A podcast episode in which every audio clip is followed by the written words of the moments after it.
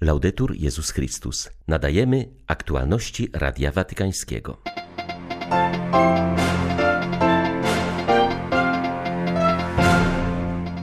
Papież przypomniał, że plan Boga wobec naszego życia jest zawsze planem miłości. Odpowiedź na niego jest największą radością i wyraża się w ofiarowaniu całego siebie w służbie Bogu oraz braciom.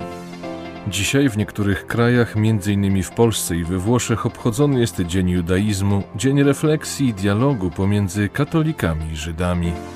Kościoły Anglii i Walii przeżywają Niedzielę Pokoju. Towarzyszy jej kampania podważająca wydatki zbrojeniowe, promująca edukację na rzecz pokoju oraz wzywająca do uwolnienia świata od broni jądrowej. 17 stycznia witają Państwa Łukasz Sośniak i ksiądz Krzysztof Ołdakowski. Zapraszamy na serwis informacyjny. Niech Dziewica Maryja pomoże nam pokornie i radośnie wypełniać wolę Boga oraz uczynić nasze życie pieśnią uwielbienia w odpowiedzi na Jego powołanie, powiedział papież w rozważaniu przed modlitwą Anioł Pański. Franciszek nawiązał do dzisiejszej Ewangelii przedstawiającej spotkanie Jezusa z pierwszymi uczniami, w której zaprasza do pozostania z Nim. Kiedy przebywali w Jego towarzystwie, z pewnością zadawali Mu pytania i słuchali słów, które coraz bardziej rozpalały ich serca. Były one odpowiedzią na ich największe nadzieje. Te słowa zapaliły nowe światło w ich życiu. Ojciec Święty zwrócił uwagę, że uczniowie po spotkaniu z Jezusem zwrócili się do swoich bliskich. Radość i światło zaczęły płynąć z ich serc w stronę innych, jak wezbrana rzeka. Każde powołanie od Boga jest inicjatywą Jego miłości. Zawsze On podejmuje inicjatywę, On Ciebie wzywa. Bóg powołuje do życia, powołuje do wiary, powołuje do szczególnego stanu życia. Pierwszym Bożym powołaniem jest powołanie do życia, przez które tworzy nas jako osoby. Jest to powołanie indywidualne, ponieważ Bóg nie czyni rzeczy seryjnie. Następnie Bóg powołuje nas do wiary i do bycia częścią Jego rodziny jako dzieci Boże. Wreszcie Bóg powołuje nas do szczególnego stanu życia, do daru z siebie na drodze małżeństwa, na drodze kapłaństwa lub na drodze życia konsekrowanego. Ojciec Święty stwierdził, że są to różne sposoby realizacji planu, który Bóg ma dla każdego z nas a który jest zawsze planem miłości. Odpowiedź na powołanie jest największą radością dla każdego wierzącego. Wyraża się ona w ofiarowaniu całego siebie na służbę Bogu oraz innym ludziom. Wobec powołania Pana, które może do nas dotrzeć na tysiące sposobów, także przez inne osoby, wydarzenia, zarówno szczęśliwe, jak i smutne, niekiedy nasza postawa może być odmowna. Nie, boję się, odmawiam ponieważ powołanie wydaje nam się sprzeczne z naszymi aspiracjami. Pojawia się także strach, ponieważ uważamy je za zbyt wymagające i niedogodne. Nie zrobię tego, lepiej nie, lepsze jest spokojniejsze życie, Bóg tam, a ja tutaj. Ale powołanie Boga jest miłością. Powinniśmy starać się odnaleźć miłość, która jest za każdym wezwaniem. Odpowiadajmy na nie jedynie miłością. Na początku jest spotkanie z Jezusem, który mówi nam o Ojcu, pozwala nam poznać Jego miłość. A wtedy także w nas spontanicznie rodzi się pragnienie, aby przekazać ją ludziom, których kochamy. Spotkałem miłość, spotkałem Mesjasza, spotkałem Boga, spotkałem Jezusa, odnalazłem sens mojego życia, jednym słowem, znalazłem Boga.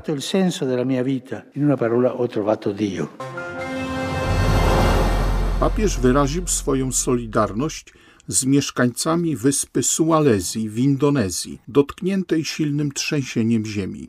Zapewnił o modlitwie za zmarłych, rannych oraz tych, którzy stracili swoje domy i pracę. Franciszek skierował do Boga prośbę o pociechę i wsparcie wysiłków ludzi spieszących na pomoc poszkodowanym. Ojciec Święty przypomniał, że we Włoszech dzisiaj jest obchodzony Dzień na rzecz pogłębienia i rozwoju dialogu pomiędzy katolikami i Żydami.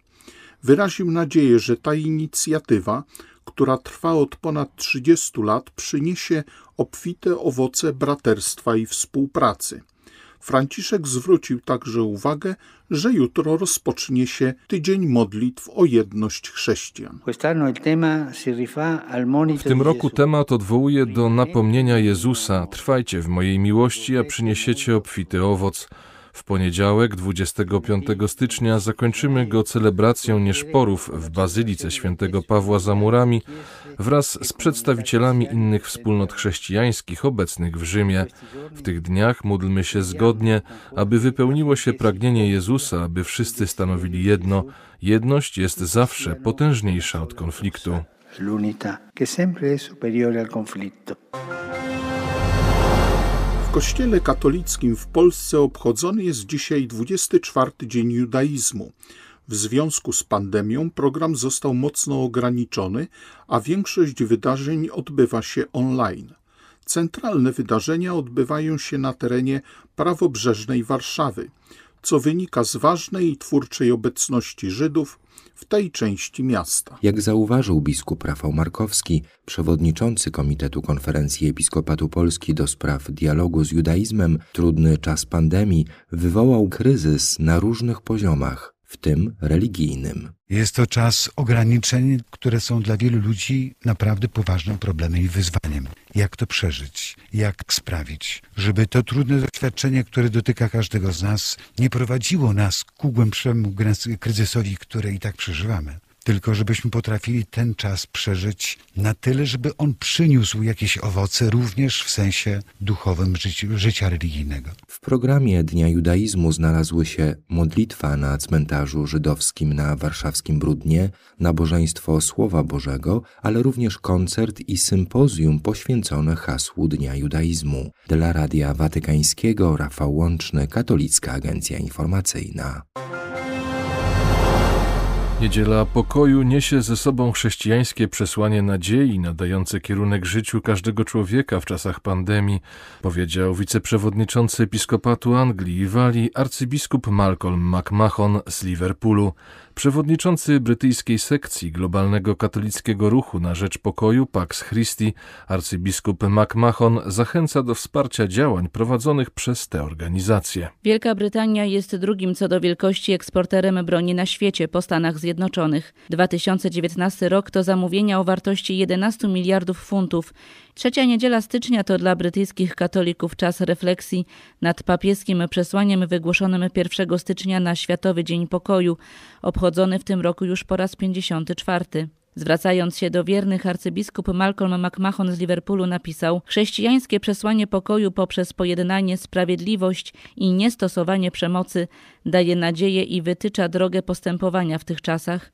Zachęcam Was do poważnego rozważenia ułatwienia zbiórki na rzecz Pax Christi lub przekazania darowizny w celu wniesienia praktycznego wkładu w kontynuowanie dzieła na rzecz pokoju. Dla Radia Watykańskiego Elżbieta Sobolewska-Farbotko, Radio Bobola, Londyn. Pod hasłem Z Jezusem do Nazaretu jesteśmy rodziną w Hiszpanii trwa doroczna kampania Światowego Dnia Misyjnego Dzieci.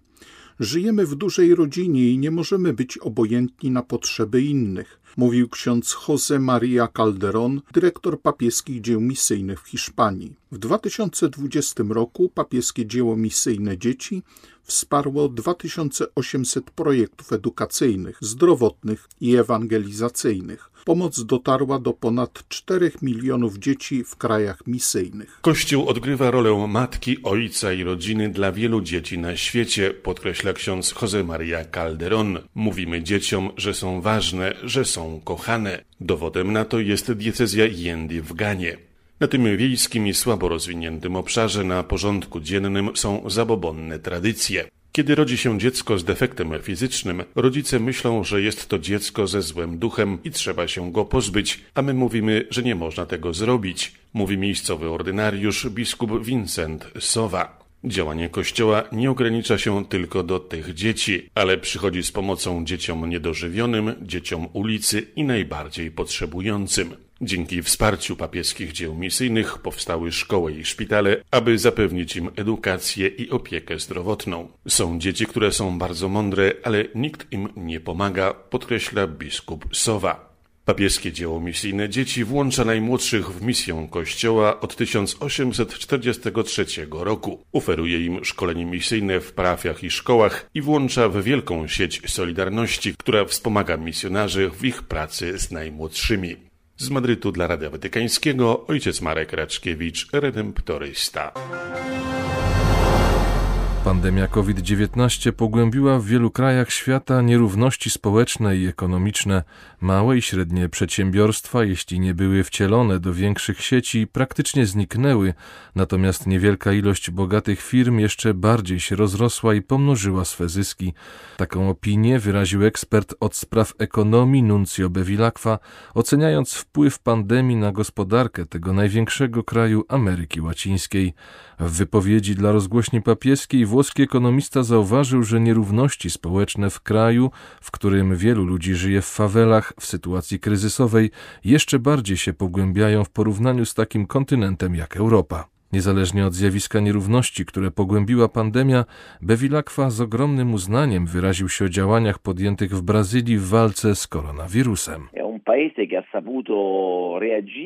Brazylia jest krajem, który zareagował na pandemię w sposób energiczny, nawet przy uwzględnieniu ogromnych strat poniesionych na skutek rozszerzania się wirusa. Kraj potrafił zareagować zarówno ekonomicznie, jak i na poziomie społecznym w sposób jak najbardziej właściwy. Podjęto bardzo skutecznie dzieło restrukturyzacji całego systemu służby zdrowia, uwzględniając rozmiary pandemii oraz zasięg terytorialny kraju. Nowy minister zdrowia, Pacuello, zdołał zorganizować system ochrony zdrowia w sposób bardzo rozgałęziony. Kraj zdołał w ostatnich sześciu miesiącach ożywić ekonomię, co pozwoliło dobrze zorganizować opiekę nad chorymi i rozmieścić ją równomiernie terytorialnie. To wszystko było możliwe również dzięki otwarciu na kapitał zewnętrzny, a przede wszystkim poprzez przeciwstawienie się zjawisku występującemu wcześniej, czyli silnej korupcji,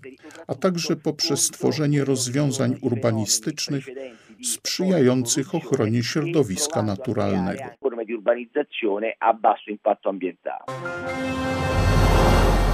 Na Jasnej Górze z udziałem pielgrzymów i przyjaciół Paulinów trwają dziś tak zwane uroczystości zewnętrzne ku czci świętego Pawła I Pustelnika.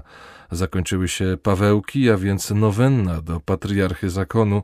Dzieci otrzymały specjalne błogosławieństwo i upominki, z których mnisi nie zrezygnowali nawet podczas pandemii, by podtrzymać tradycję i przypomnieć, że Paweł Step jest opiekunem najmłodszych i matek oczekujących potomstwa. Chcemy świętym Pawłem dzielić się z wiernymi i z nimi świętować, powiedział ojciec Grzegorz Prus. Chcemy te wartości, które nam z nim się wiążą, propagować, tak jak właśnie modlitwa, odosobnienie, pewien taki wewnętrzny ład, wyciszenie i wierność wierze. Pawełkowe uroczystości zewnętrzne to szczególna okazja do modlitwy za białych mnichów i wyraz wdzięczności za ich służbę u boku jasnogórskiej Maryi. Arcybiskup Wacław Depo, metropolita częstochowski, wskazuje zwłaszcza na sprawowaną na Jasnej Górze spowiedź. Jestem wdzięczny za to, że ten zakon, który jest kontemplacyjny, to jednak dla nas i tutaj dla charyzmatu duszpasterskiego to miejsce jest niezwykłe i ja dlatego jestem wdzięczny Bogu za zakon i za posługę ojców Paulinów, zwłaszcza w konfesjonale, bo tak jak powiedział Jan Paweł II, to jest ołtarz i konfesjonał narodu. Za kilka dni, 20 stycznia, Paulini zakończą rok jubileuszowy związany z 750. rocznicą śmierci ich założyciela, błogosławionego Eusebiusza. W różnych miejscach na świecie posługuje około pół tysiąca białych mnichów. Dla Radia Watykańskiego Izabela Tyras, Radio Jasna Góra. Były to aktualności Radia Watykańskiego. Laudetur Jezus Chrystus.